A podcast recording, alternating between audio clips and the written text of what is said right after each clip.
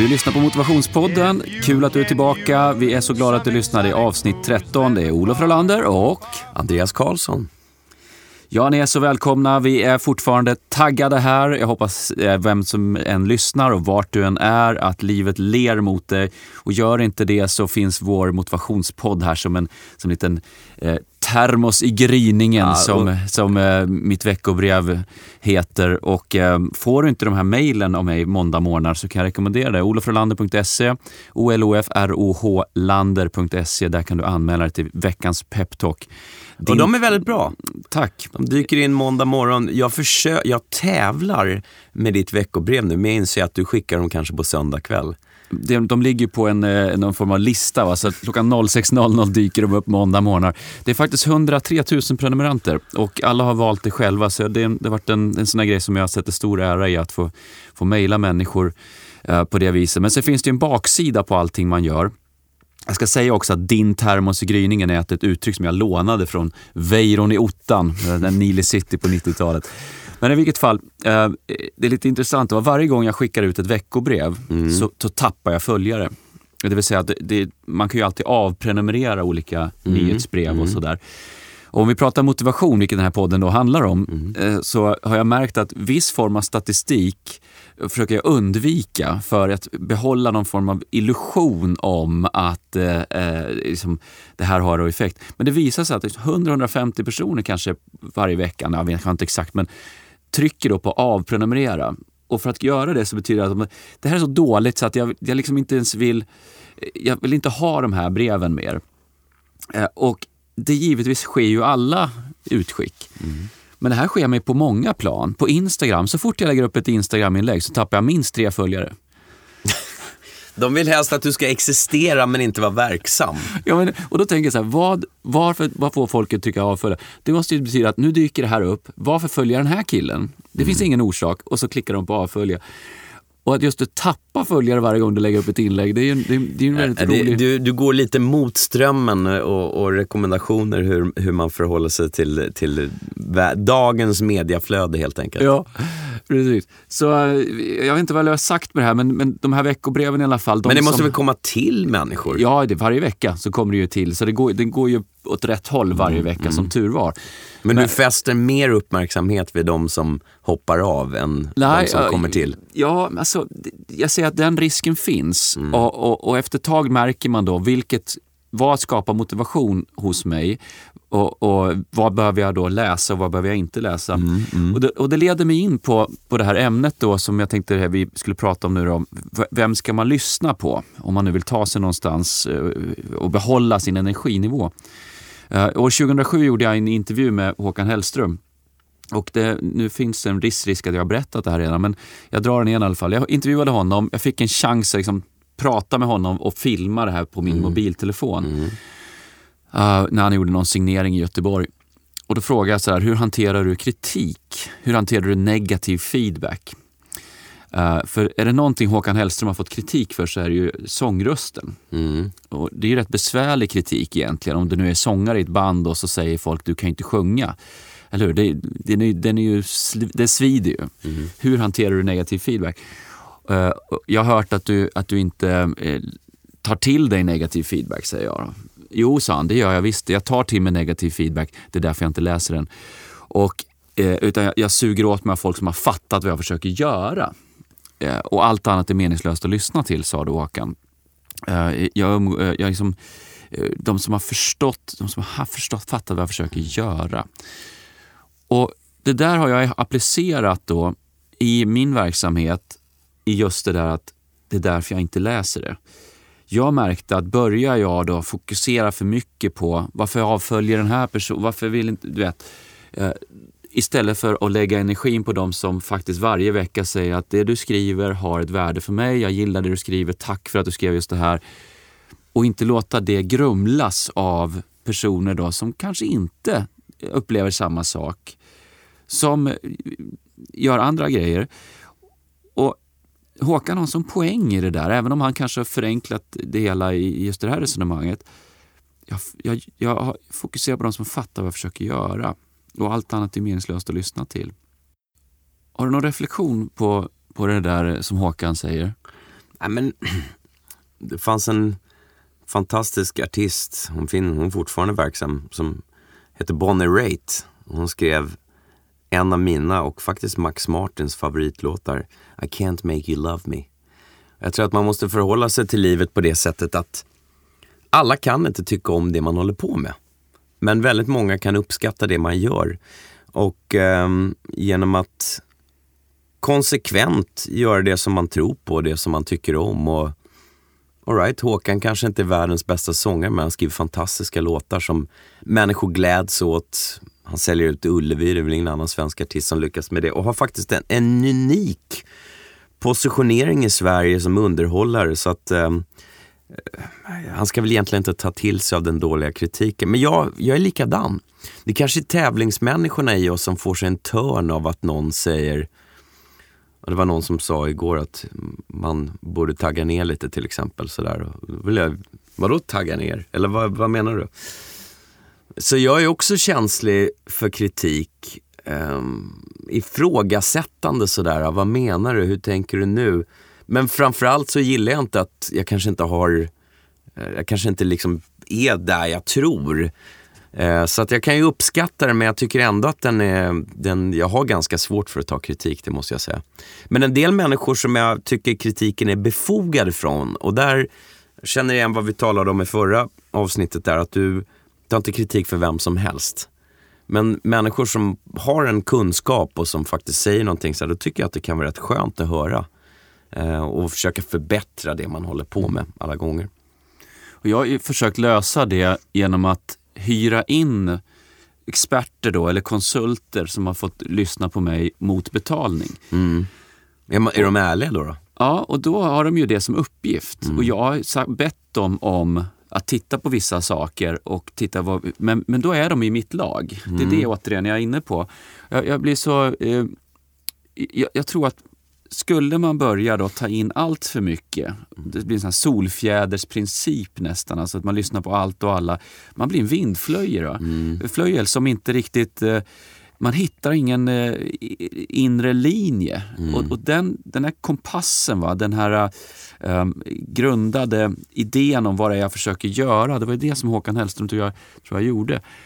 Eh, och som du sa, han fyllde Ullevi, men hade han klarat sig på Idol, om det hade kommit någon Håkan Hellström, du har aldrig hört talas om killen, han sjunger som han gör nu. Tror du att han hade hade du kunnat screena fram den andra sortens begåvning han besitter? Eller ja, hade han, han, är en, han är en otroligt unik artist tycker jag och eh, jag hade sett det ändå. Det som jag tycker är intressant, jag eh, tänker på det här med kritik och sånt, så ligger kritik på många sätt ganska nära avund. Eh, många människor som är missgynnsamma eh, kritiserar också egentligen inte med någonting på fötterna utan det är, man känner en missgynnsamhet för mm. folk som det går väldigt bra för. Och Det här är någonting som vi dras eh, med i Sverige som kallas jantelagen. Vi har ännu inte fått upp skylten men den finns på skolan och där står det här slutar jantelagen. Eh, och det, de ligger rätt nära varandra de här begreppen av, av, av liksom kritik och var den kommer ifrån, hur den är befogad. För vi, vi pratade om, man tar inte riktigt kritik från vem som helst. Kan du relatera och reflektera över det här med, med avundsjuka ibland? Har du, har du tänkt på det i ditt yrke? Kan du känna det? Ja. Ett litet sidospår, men jag tyckte att det ändå var ganska intressant. Ja. För att jag tycker att det är väldigt, det ligger ofta runt den på något sätt. Man kan säga så här då, tycker jag, att ett, ett tecken på att du har börjat komma någonstans, vart du nu vill göra, det är ju när, när folk inte applåderar lika högt längre. Alltså så, så länge du är totalt, du är inget hot, du är helt ofarlig. Då är, då är man fantastisk. Ja, men då är det klapp på axeln och inga Så det, det är, man ska ju ta det positivt. Mm. När folk börjar få lite, lite jobbigt, ja, nu, får, nu, får, nu har det blivit för mycket med honom eller ja. henne. Det, det, är verkligen så jag har försökt att se det. Det är inget negativt, det här är ett gott tecken. Men det var ju någon som sa att eh, kolla vilka som applåderar, vilka som inte applåderar när du vinner. Och det, så, så, så, det är min idé om det där. Jag har inga problem med att om någon skulle uppleva att eh, han har gjort någonting, han inte förtjänar inte det där eller vad det är. Då kan jag säga så här, okej, okay, vem har sagt att man måste förtjäna framgång? Mm. Tänk om det här är en, en myt eller någon idé som vi har om framgång att man måste förtjäna den. Uh, kan det inte vara så att då och då så hamnar man i sitt esse. Eller då och då så är man i en perfekt storm av möjligheter. Där bitar bara faller på plats och du råk, tajmingen råkar vara rätt och, och du råkar och plötsligt ha vissa anlag för saker och ting som, som passar sig, lämpar sig bra. Du kanske betalat priset vid ett tidigare tillfälle. Du kanske har förtjänat, eh, jag kanske skulle förtjänat mycket bättre pingisresultat än vad jag nådde. Och i den här branschen jag varit i nu, jag upplever inte att jag har slitit hund för att komma dit jag är. Jag, jag passar bra för den här branschen. Mitt psyke, det passar mig bra att vara där jag är nu. Mm. Jag fick slita mycket hårdare som pingisspelare mm. än jag fått göra här. Måste man förtjäna framgång?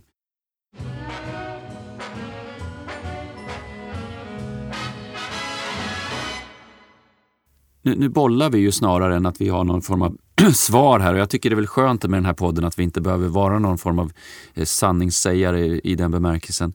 Men hur ser du på det där och liksom att ibland när du upplever det man kallar för flyt eller när man eh, är i sitt esse eller en bra period så är det som att man jobbar nästan man jobbar avspänt. Det, det, som Håkan Hellström också sa, vad, vad, skulle jag annars göra? När man upplever att man är, man, vad skulle jag annars göra om inte jag sysslar med det här?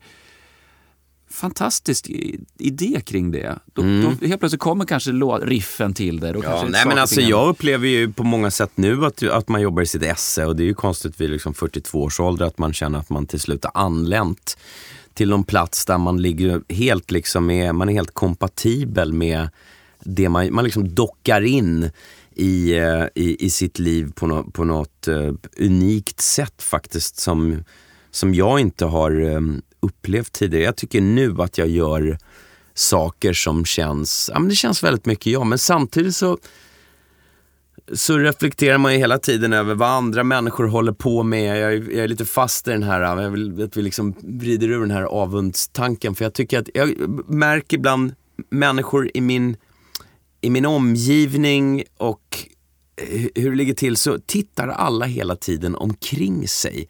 Eh, vad gör de?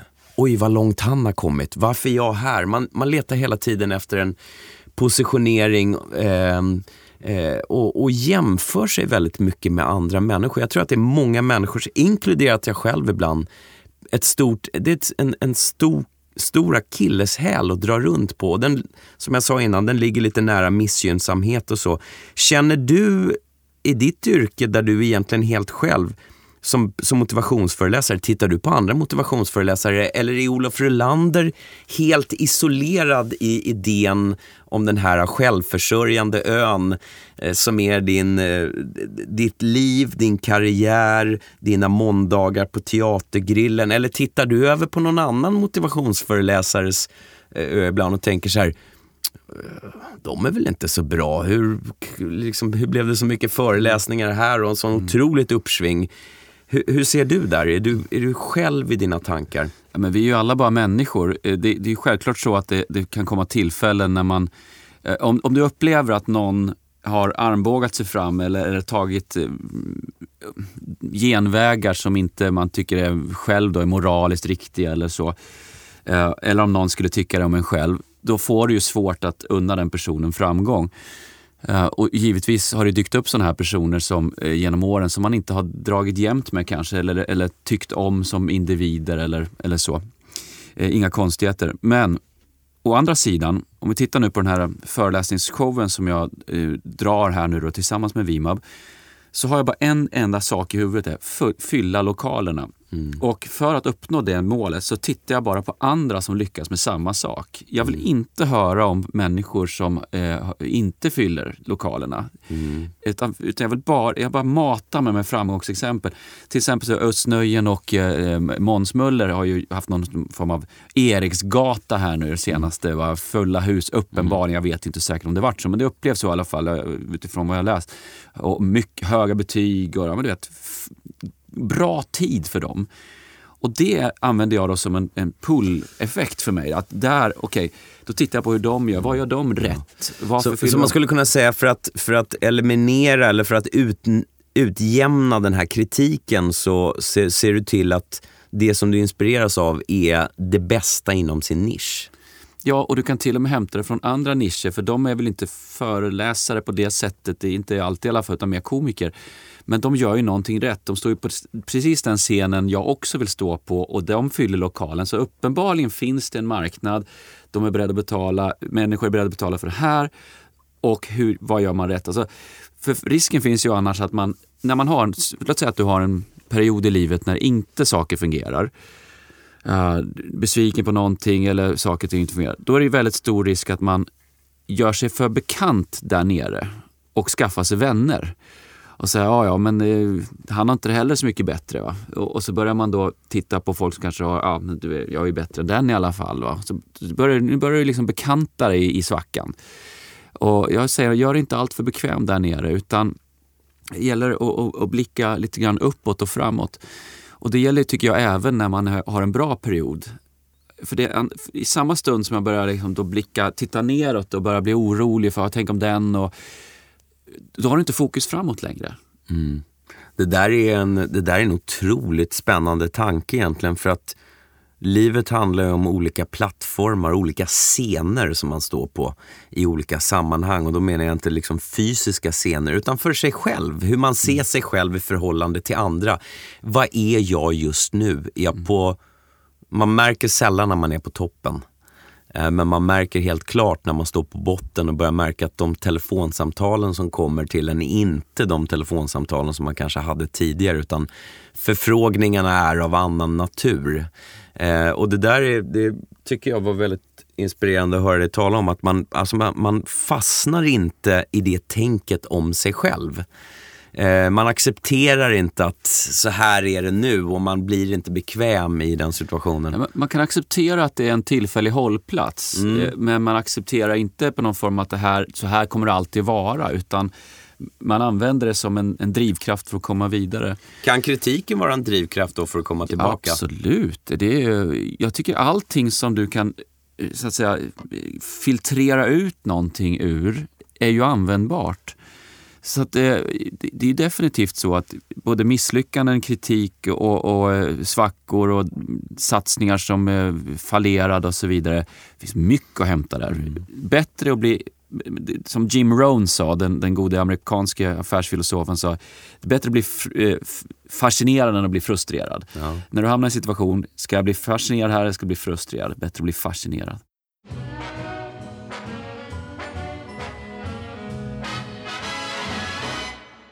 Ja, jag är så väldigt glad över att vi pratar om de här ämnena. Det, det passar, tycker jag, oss väldigt bra att, att, prata om. Men det här avsnittet är lite kortare, så vi ska redan nu gå in på anekdoten. Och eh, för er lyssnare så kan ni tänka er själv att Andreas har alltså berättat nu 13-14 anekdoter. Mm. Det är ganska mycket begärt egentligen att han ska komma med en till.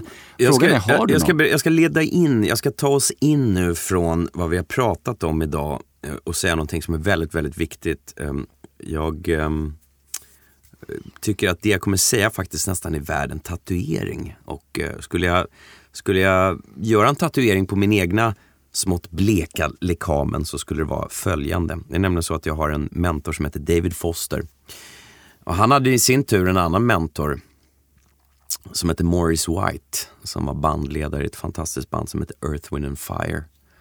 Och David Foster hade suktat och suktat efter att få komma till Morris White och få en audiens, kanske få till och med producera en av de här fantastiska plattorna. Vilket han gjorde. Eh, låtar som In the Stone, After the Love is Gone etc. Men vid första mötet så plockade han fram en, en produkt som han just hade gjort ett gammalt band som är glömt idag som heter The Average White Band. Och eh, Morris White skulle lyssna på de här låtarna och då säger David Foster, nej inte låt ett och nummer två, eh, lyssna på låt nummer sex. Och då säger Morris White, varför ska jag lyssna på låt nummer sex? Ja men den tycker jag är bäst. De andra låtarna är inte riktigt lika bra men sexan är riktigt bra, lyssna på den. Ja men om du har ju satt ditt namn här på den här produkten. Ska inte allt då vara på toppen av din förmåga eftersom du nu har fått chansen att komma in och spela det här? Och David Foster har senare summerat det här i en fantastisk slogan som jag också pratar om under mina föreläsningar som lyder som följer Good is the enemy of great. Och så länge du bara har gjort good så är du en måltavla Du är en måltavla för kritiker, du är en måltavla för människor som inte lyckönskar dig. För det finns en liten väg in i din, i din självbild och tankarna om vem du är, hur du passar in i den här världen, hur du ska förhålla dig för att du har inte gjort ditt bästa. Så det där tycker jag är väldigt bra. Good is the enemy of great ska det stå någon gång någonstans på min kropp. Jag har inte reserverat någon speciell plats. Kanske lyssnarna kommer skriva in och säga var den ska sitta. Men denna gode David Foster, han var en stor anhängare av min egna musik vid ett tillfälle och han eh, ville faktiskt knyta mig och en kille som heter Christian Lundin till sig efter våra största succéer och vi blev bjudna ut till hans enorma palats i Malibu. Palatset eh, hette eh, Villa Casablanca och nere i en stor park i det här, det kändes nästan som att åka in i Jurassic Park varenda gång man kom dit, så var det ett gammalt elefantstall. För att den före detta ägaren hade haft, använt parken till att eh, ja, lufta elefanten som fick springa runt där och motionera eh, och han kunde se den här fantastiska elefanten springa runt i Malibu på ägarna. Så att han hade byggt ett stall där och det här stallet hade senare blivit Chartmaker Studio där Tony Braxton, Frank Sinatra, eh, massor med fantastiska eh, artister. Michael Jackson har varit på besök. Men den här speciella kvällen så var det en charity dinner som det alltid är i Malibu. Och givetvis var jag och Christian Lundin då som var tilltänkta att liksom vi skulle snärjas och bli David Fosters eh, vad heter det, henchmen höll jag på att säga, men vi skulle bli låtskrivare i hans stall. Jag har Olivia Newton-John till bordet, John Paul Mitchell som är någon fantastisk sån här hårproduktsägare, miljardär, ja det var oljemiljardärer, det var magnater, det var folk som ägde flygplan, allting sitter på den här middagen. Men ändå, David Foster är mest intresserad av att knyta till sig mig och Christian Lundin. Och i den här aningen högtravande stämningen, det här liksom lite black tie, lite liksom klassisk musik i bakgrunden, vaktelägg till förrätt, ja, ni kan tänka er. Så smyger David Foster runt, eller han spatserar snarare runt i publiken och han säger Well, if I tell you, these guys wrote songs like larger than life. Oh. det här är ju ganska nya låtar då, så publiken blir väldigt imponerade. They created Britney Spears. Oh!